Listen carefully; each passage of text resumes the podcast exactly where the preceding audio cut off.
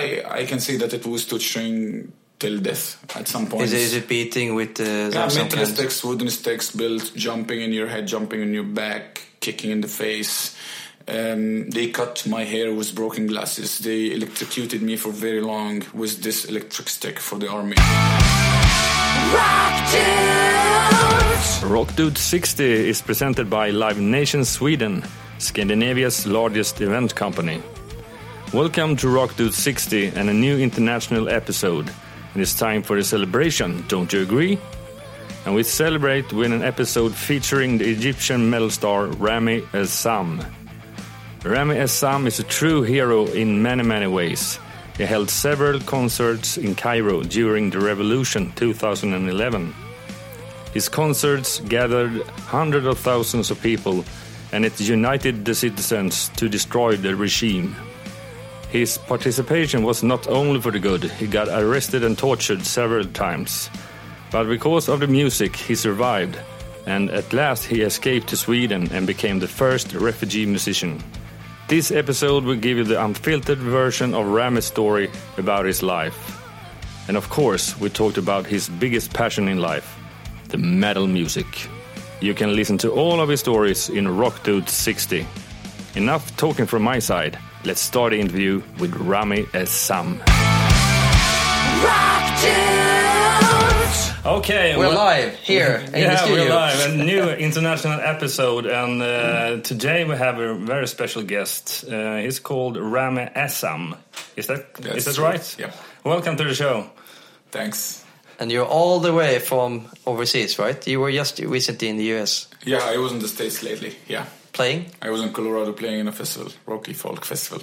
You, it seems that you've been traveling a lot, but you're based here in Sweden, right? I was in Sweden for three years. Okay. Yeah. And, and you're originally from Egypt. Egypt. And I came directly from Egypt to Sweden like three years ago. So you're born and raised in Egypt. Border is in Egypt, yes, exactly, Okay. in Mansoura city.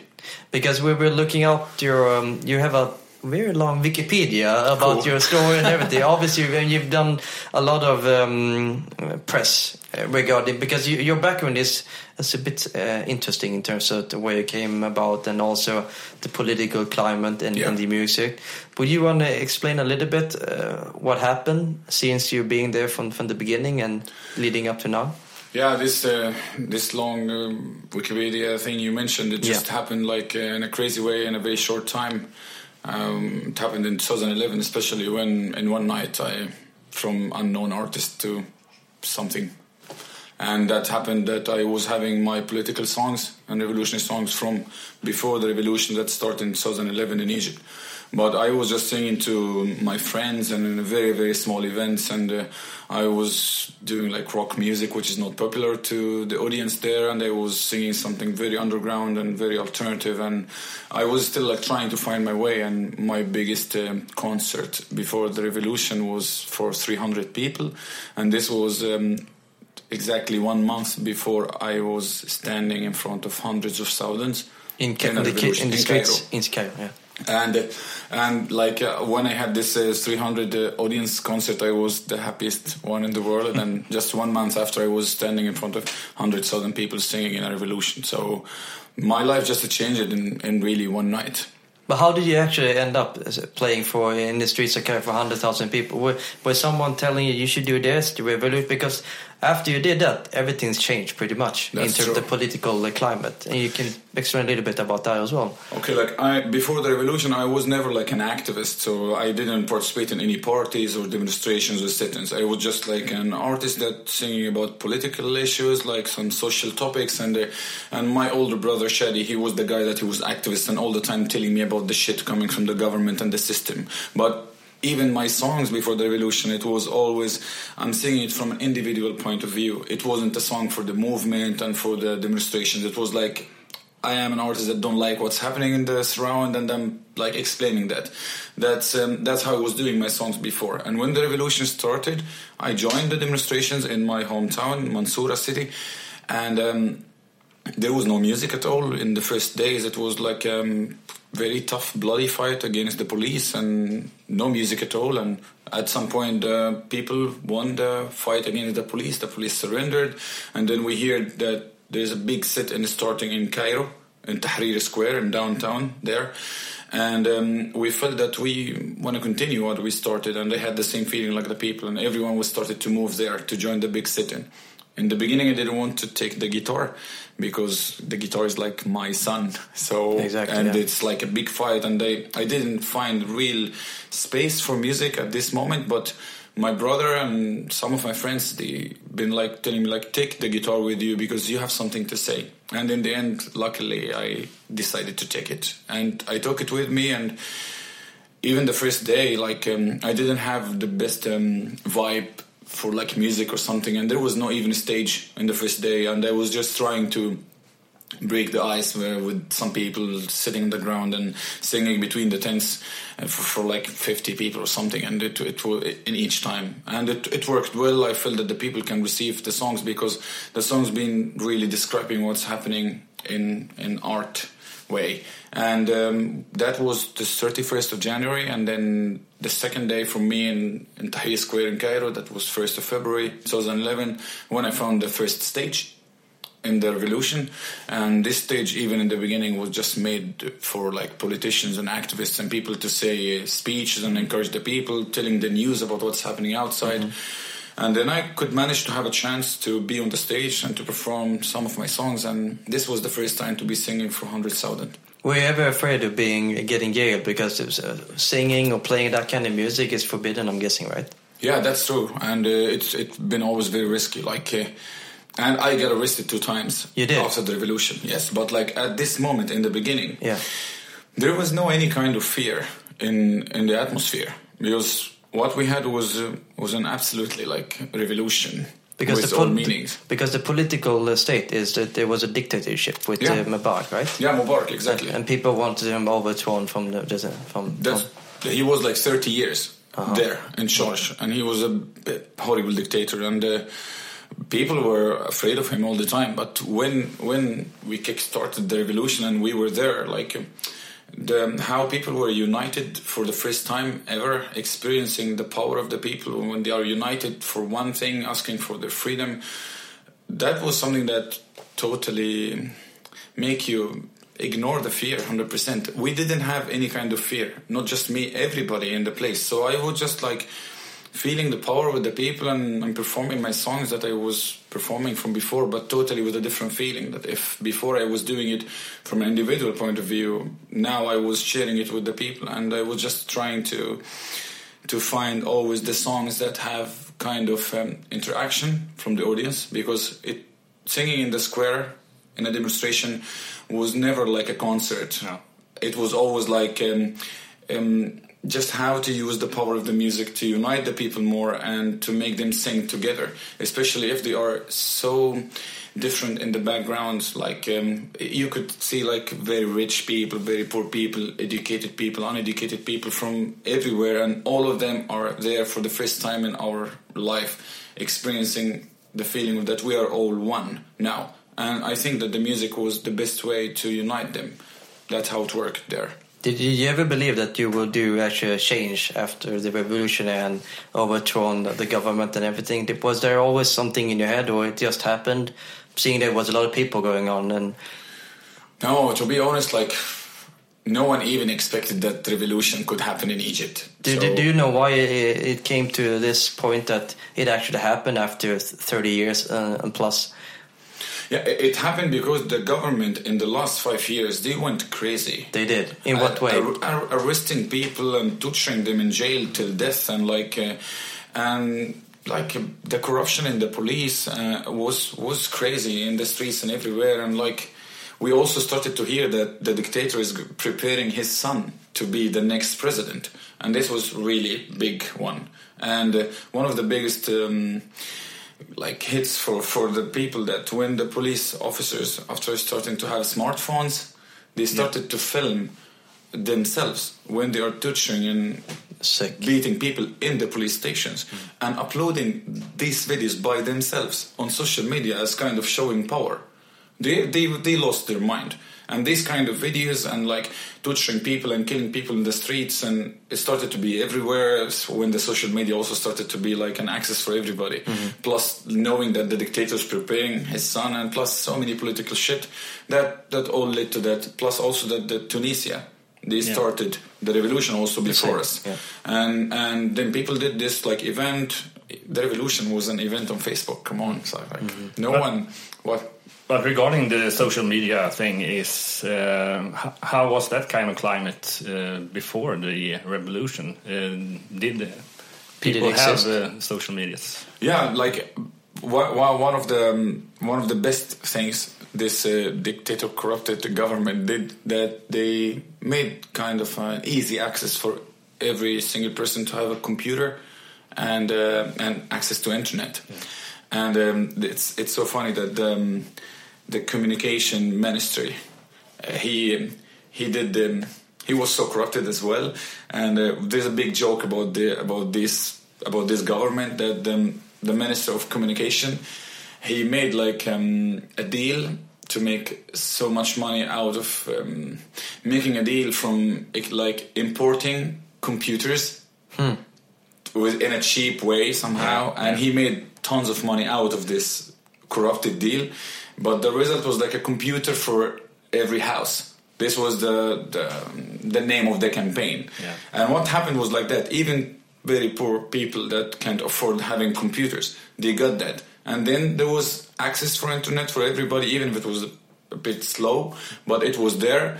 And that's how people started to be much more open to the world and all this bullshit. Like the government was telling us through movies, TV series, or like uh, songs as well, that telling how Egypt is great, how the army of Egypt is great, they are the savior of the nations, and all these kind of stories.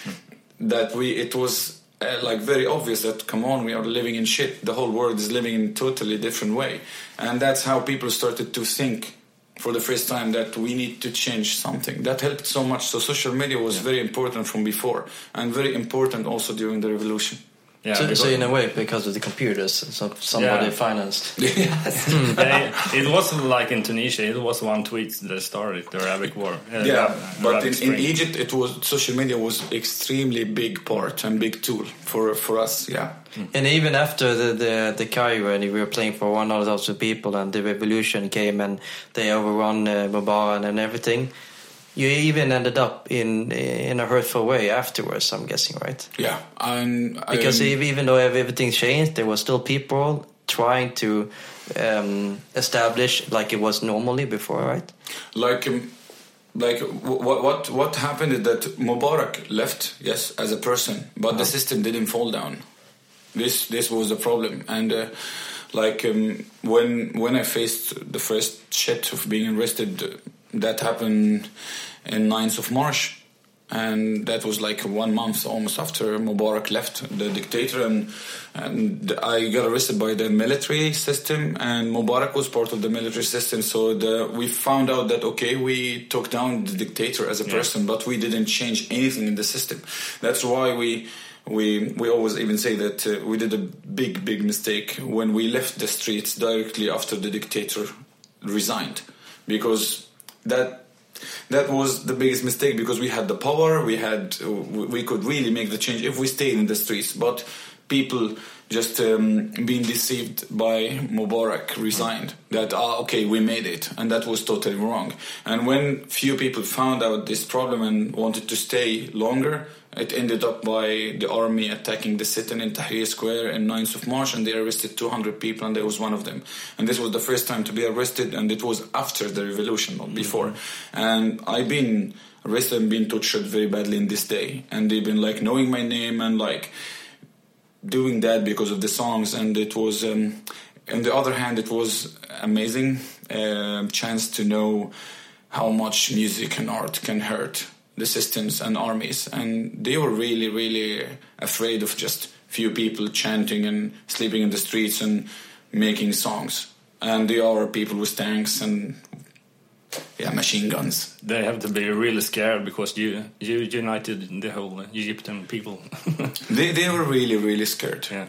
it, it was so obvious for in their eyes and how they uh, questioning us or like how they beat us it was it it was a it was a tough day, but it was also a big day to understand how how strong we we can be, especially with with using the art. And uh, I found out that not just from this day till now that dictators can stop anything, anything. They can stop anything except art, because they they will never be able to come in my brain and stop my creativity. They don't know what's happening here, and this is the way how we should fight them back. Yeah, and never take um, any violence chance back. That's not the right way. No. Yeah. But the, but they picked up uh, you and 200 other people in, in the Cairo Street and throw you into jail or uh, how? No, it, the touching was in front of the, um, the Egyptian Museum building, so it was in the yard of the Egyptian Museum, almost in the streets, like outdoors, and they Oh. were touching everybody. It's like a public uh, display to show that you should not. but like people were so scared, so everyone left the whole square. So it ended up just the military people, officers, soldiers, and 200 people being tortured and um, beaten so badly. And uh, but just my case was a little bit different because they knew my name and they were calling me Rami during the torturing. It took like eight hours, and uh, it I I can say that it was torturing till death at some point. is, it, is it beating with uh, Yeah, mental sticks, wooden sticks, built, jumping in your head, jumping in your back, kicking in the face. Um, they cut my hair with broken glasses. They electrocuted me for very long with this electric stick for the army, um, humiliating you all the time. And there was not even any kind of interrogation. Like they are not asking you to say something. Just people that want to break you down. That's why it was so obvious how how weak and afraid they are from just few people. Because when they attacked the sit-in, I think we were just few hundreds when they did that, and they came with like a big amount of soldiers and our officers and and yeah weapons and stuff. So obviously you're seeing uh, death in your eyes, people dying around you, being seeing that you were tortured all, this whole time. I'm guessing I, you lost I- friends. I, I lost five friends in the revolution. They were not my friends from before. No, They are people that I made these friends in the struggle. Some of them died very early, some of them died later. In the first two years and a half, I'm talking this period. yeah. And um, one of them died in front of my eyes. And uh, like, I always say that these guys that sacrifice, we all sacrifice it with different ways. But these guys that sacrificed their life, their soul, this is the biggest sacrifice that you could give to us and to the revolution. And uh, I always say that they were the biggest motivation for us all the time. And like every single drop of blood came from any one of the martyrs of the revolution should be always the biggest motivation. Like I, I, I don't want to sound um, um, emotional or like No, uh, unrealistic, but Yeah, it's. Uh, I did deals with these guys.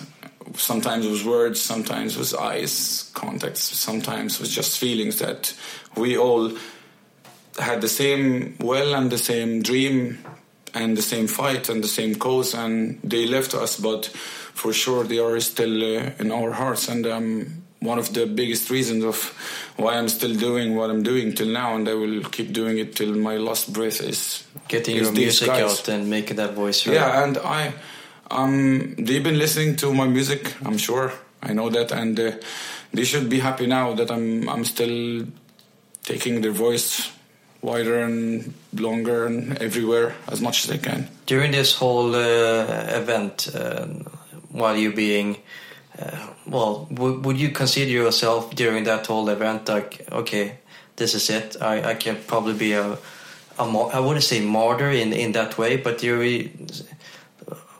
It's hard to describe describe the feeling during all, all those hours and everything. But obviously, you were thinking about, oh, this is the end. I'm not going to.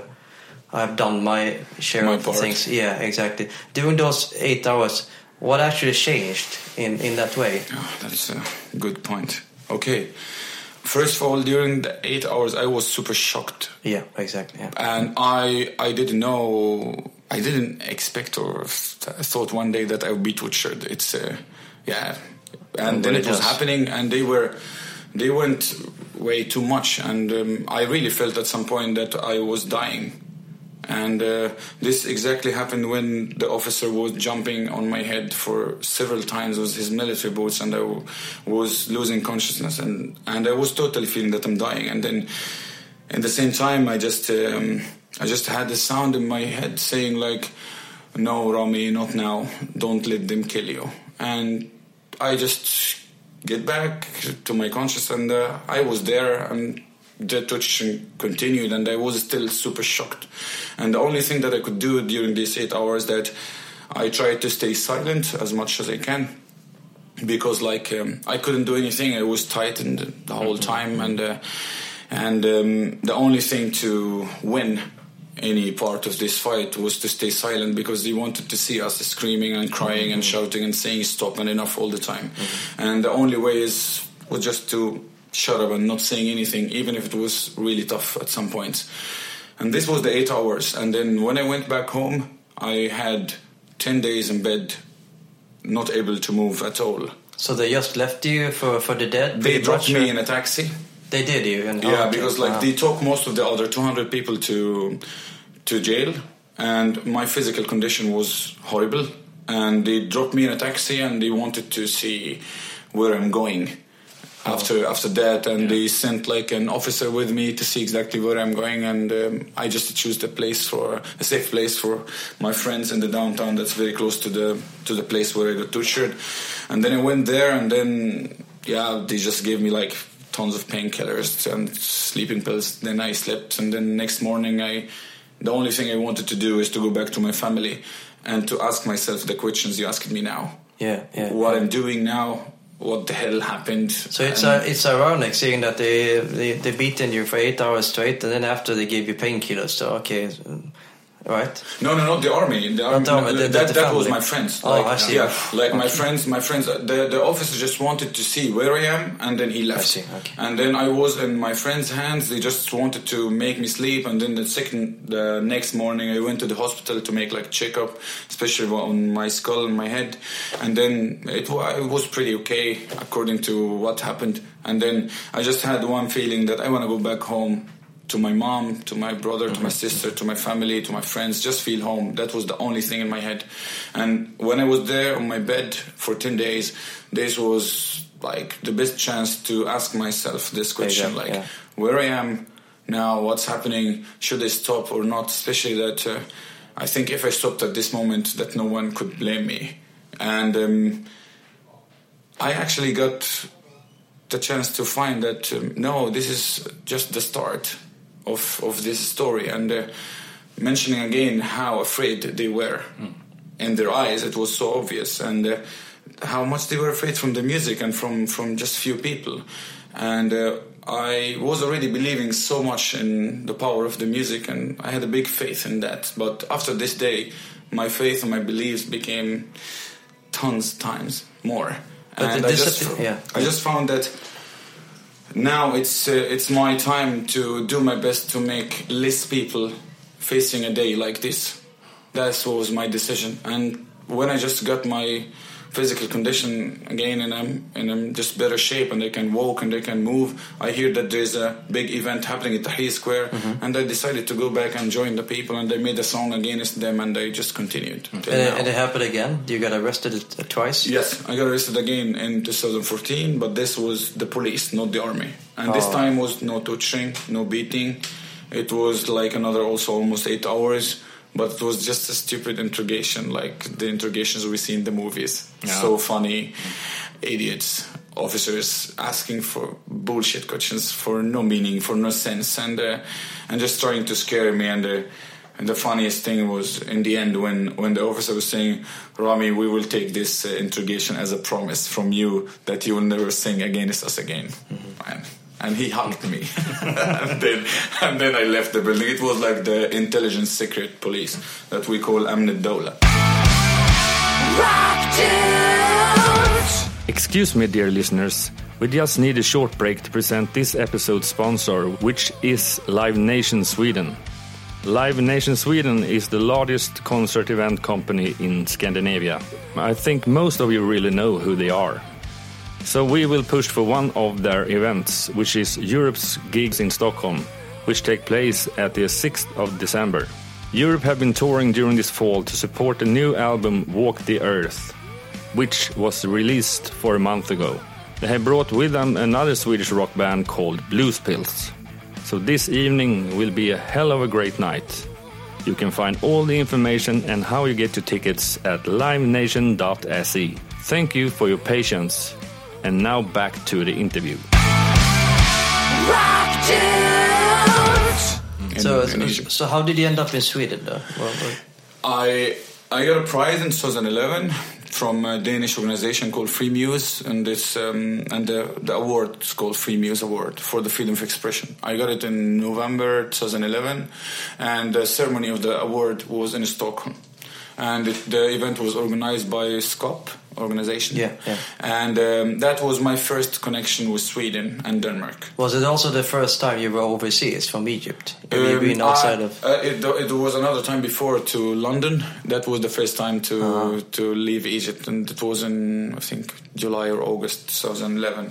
How was uh, that? How was that experience coming to Uh, another country the first it- time, seeing? It was so good, so good feeling. Different, right? Very different, especially that uh, uh, for Egyptians we have one of the shittest passports in the world. Super weak. You always get uh, uh, refused from the visas applications in the embassies, and uh, we we don't. Most of the people, even in Egypt, doesn't have passports because we don't have even the chance to leave, even financially or like because we are not welcomed somehow mm-hmm. in other places. But it happened, and I could manage to leave, and it was so good experience. Even if I'm not like a big fan of traveling, but when I started to travel, I started to find how beauty is that, and how much I I would love every single person on this planet to be just traveling everywhere, crossing these shitty borders. So here, here it's a bit reversed. Seeing that Egypt is a bit exotic, people want to go there to travel and vacation and everything. but for you, it's the other way around. Oh, this is nothing to see here. But go on. That's true. So so many people actually in Egypt they,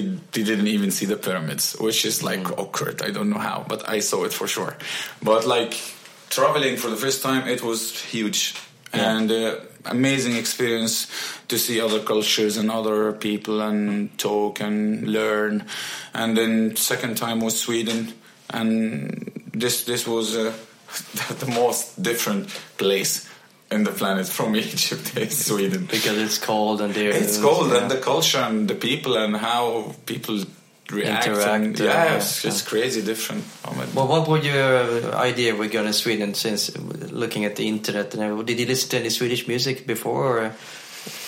No, I wasn't into that. I Okay. um, when I came here, I, I always know that okay, Sweden is uh, like best musicians mostly coming from here, Mm-hmm. best producers mostly coming from here, was songwriters always from here. I, I know that from before, and I know that so many hits is everywhere is kind of making made by Swedish So that it helped for you to stay, stay here. Besides getting the award, I mean. uh, Yeah, actually, like when, when I really came here, ended up here in the end of 2014 when I started my residence in Malmo.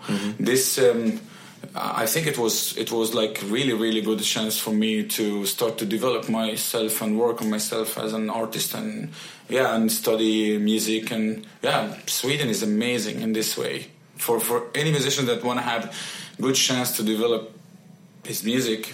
Sweden is a good, recommendation. What kind of education did you? What? Edu- yeah, in Edu- Malmo, I went to the school, Yeah. Malmo Music School there, and uh, I I got like um, cr- credit hours for um, performance and guitar and vocals, and this was my first time ever in my life to study music because in Egypt. I don't want to say that we don't have uh, music education, but yeah, it's almost not exist. But we, and we have only one. Uh, I don't know the word in English, but like it's not even a university; it's an academy, and um, it's it's it's um, it's not very useful. And in the schools, most of the schools they don't teach us music, and it's not big part of the culture. So really few people doing that there. And it was first time for me to study music. It was in Sweden in Malmo, and it was big difference. Here is a bit different because here is like um, you get school and you get p- p- actually paid to uh, learn how to play music. Oh, okay. the education Luck- system is you. different there. Yeah. Would, would you say there's some kind of benefits living in Egypt though, nowadays or before?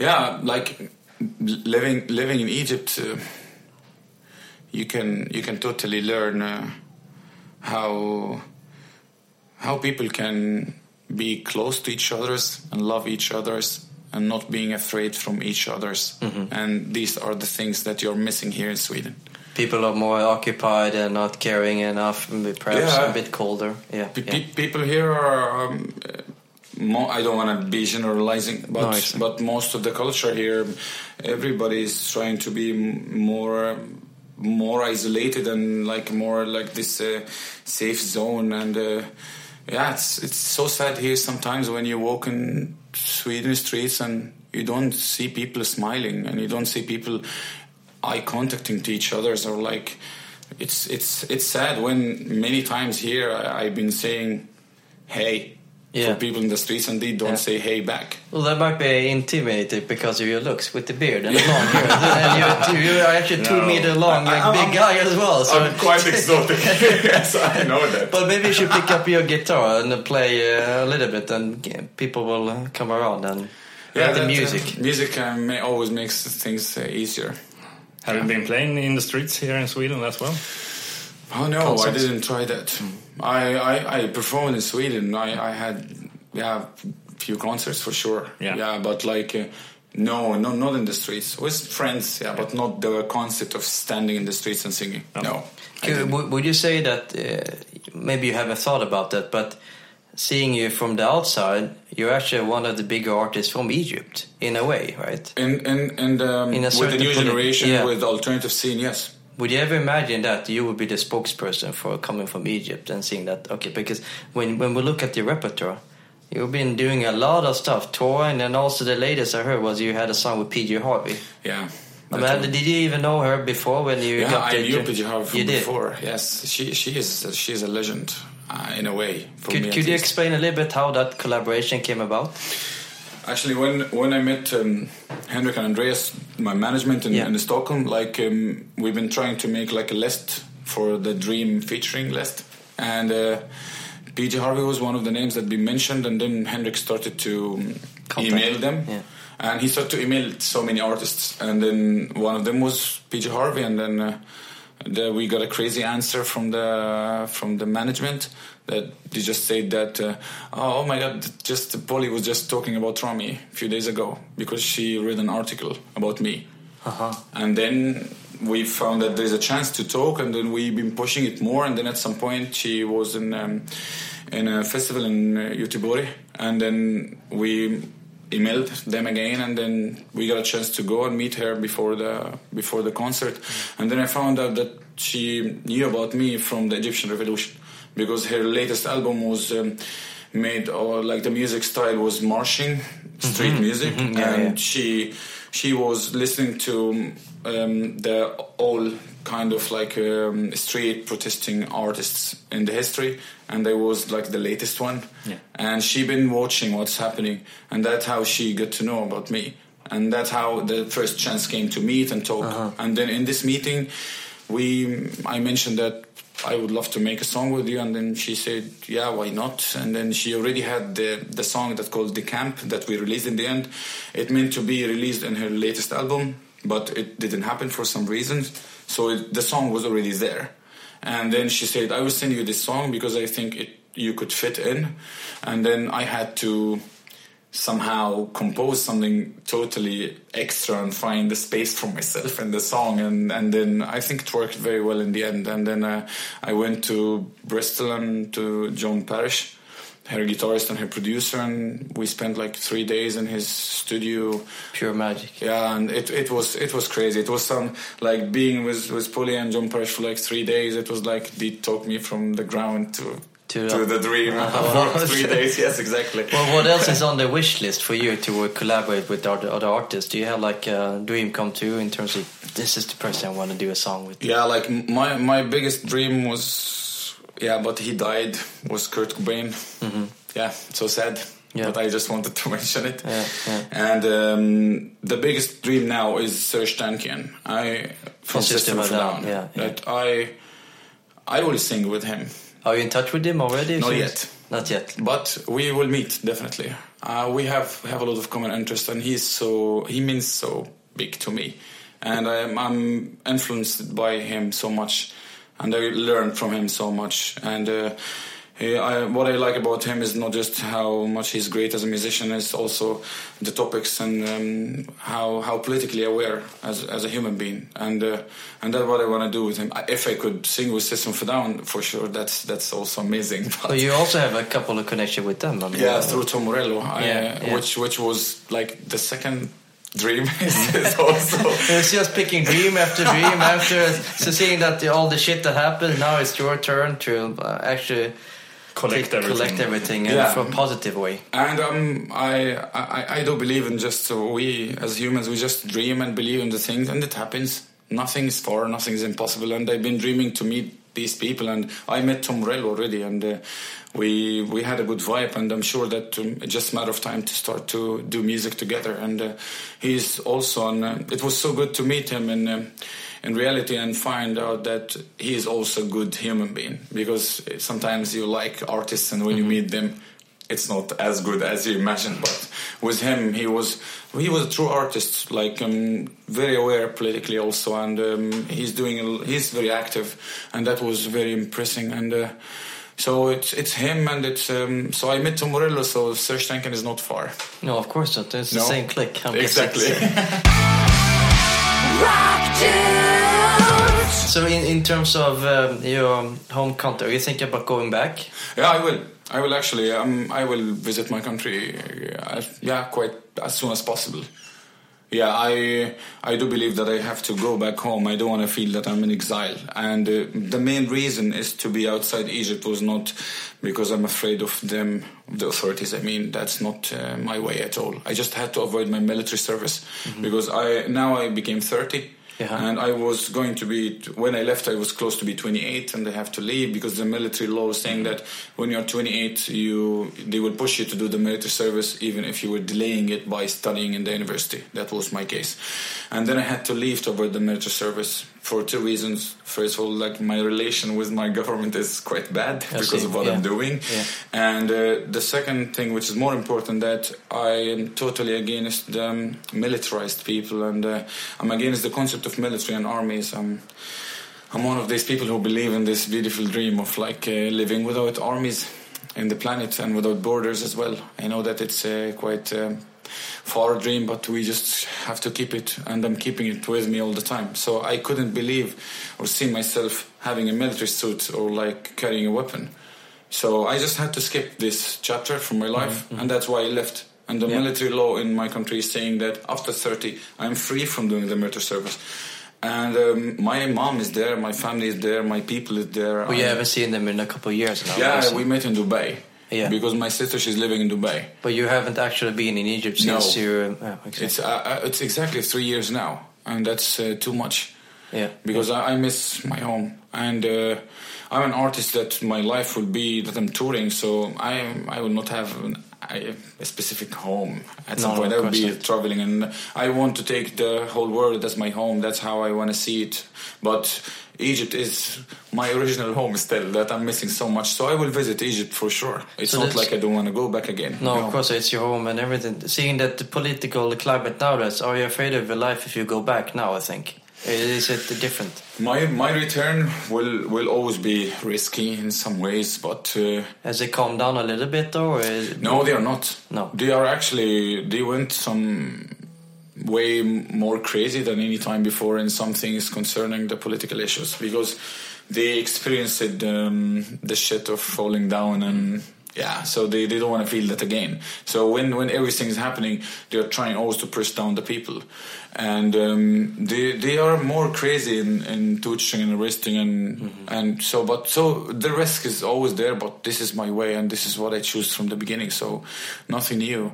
And uh, I do believe in that um, the international connections that I've been building and like um, my going to be international hard, yeah. message and my supporters and my people should um, should be a good shield. Ho- hopefully, of course. Exactly. Uh, have you seen any more musicians coming out from that region now, uh, years after? Seeing yeah, like they- after the revolution, the, I don't. I'm, I'm quite sad that there is no mm, like um, there's no a lot of newcomers, but the the movement that was exactly happening at the same time from 2011 in Egypt or Tunis or or Lebanon or Jordan. We are a lot of projects. Um, yeah, so like the alternative scene now in in the region is way bigger than before. And finally, we have so many artists like singing about important topics and breaking taboos that we didn't used to do that before. And uh, we are not just uh, stuck with pop music singing about love course all the time, That's which is not bad. But No, like, Of course not, but there's also a lot of shit going on, so you have to mix it up. But uh, which uh, can you describe your future goals with your music career? Yeah, um, like um, my my one of, one of the biggest change that um, not change one of the biggest ads that will be in my future career is that I will start to sing in English as well, and um, that I think will help me so much to carry my message wider, and it will make me mm, easily be connected with more people, and this I experienced it when I was touring, and um, and even in the future if I can start to pick up some Spanish and French and do Oh, that as well. I, I'm really looking forward to do that. I'm quite good with languages if I if I How- give how's it the small Swedish effort. then? I- uh, No, no.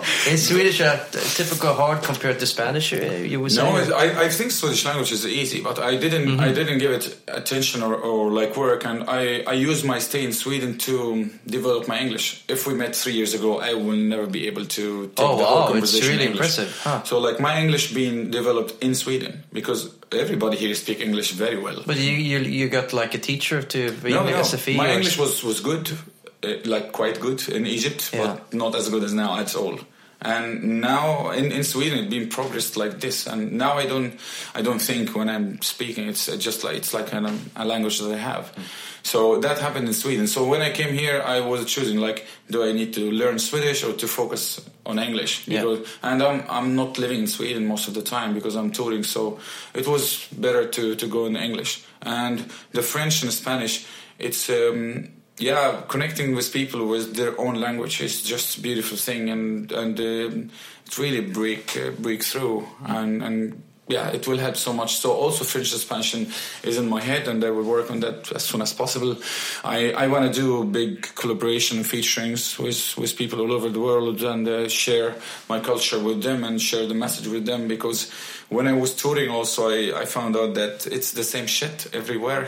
Yeah. It just different different styles of it, but it's the same shit.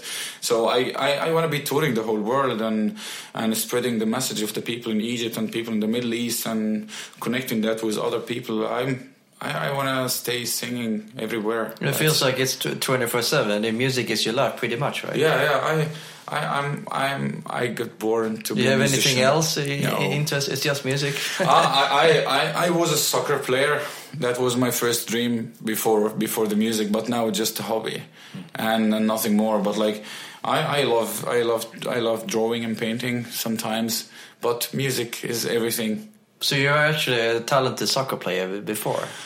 I I was I was I wasn't super talented when I was a kid, but I I was a very well trained, uh, self uh, Also, a, trained. big, a big guy, tall. I, yeah, I was I was a big guy that's uh, super fast and very strong physically. I was a good striker in the end, but I was like um, made up player, Yeah. not not talented because because I loved the sport so much. But at some point I had to choose soccer or music, and music won hundred percent. With, uh, do you have any kind of first memory of music?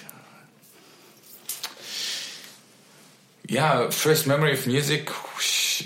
Do you have a, what kind of environment were you? Yeah, oh, it's it's it's so funny for me that I never was like interested in music so much when I was a kid, and the one that was interested in music was Shadi, my older brother, and we've been sharing the room all our life, and uh, he was crazy about Michael Jackson. Mm-hmm. Oh. Okay. So like my first um, my first impression about good music in my life it was Michael Jackson.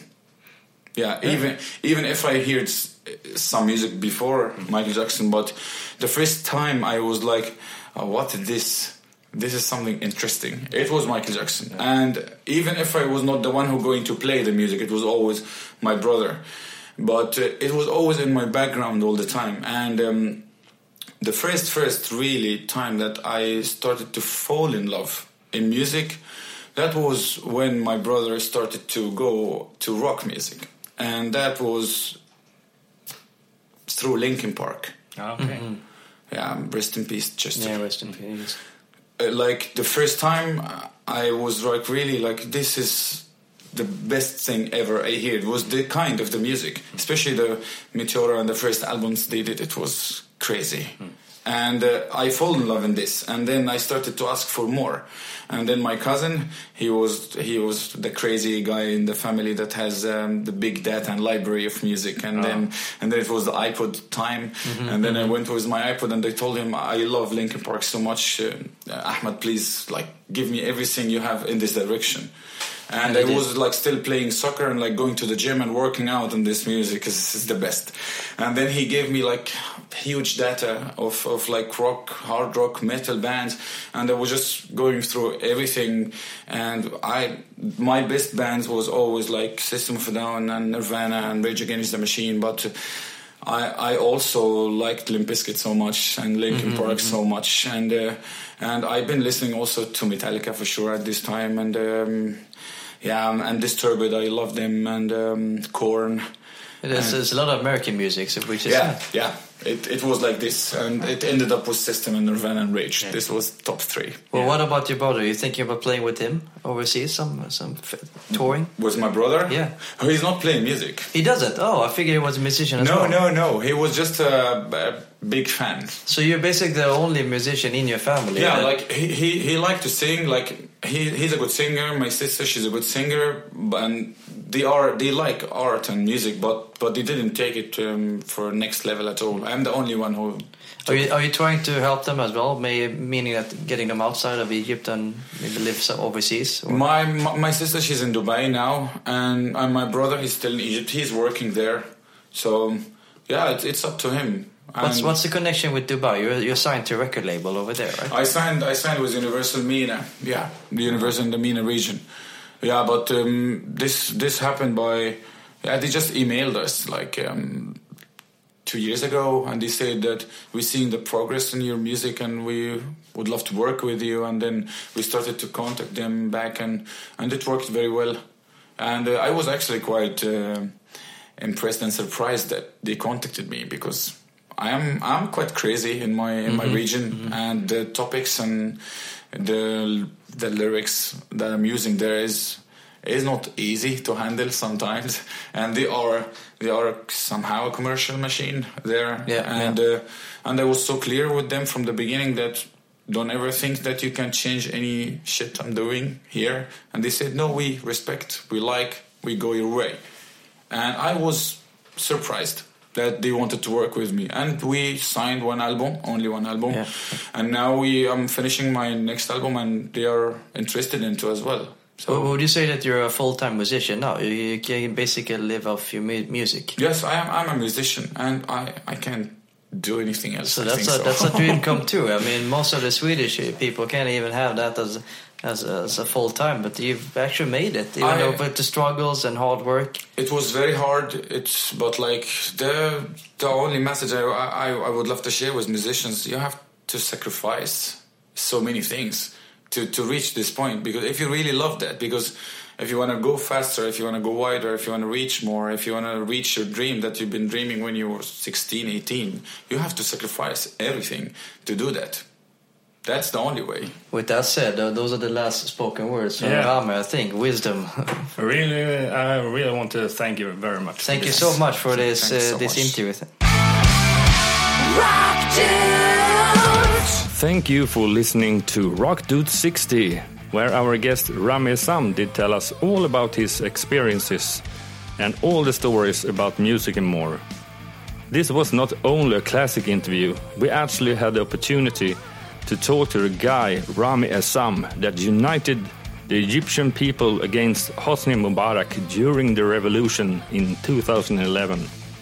It was a great honor to have him as a guest in this episode. Don't forget to follow us on our social media network as Facebook, Instagram, YouTube, and Twitter.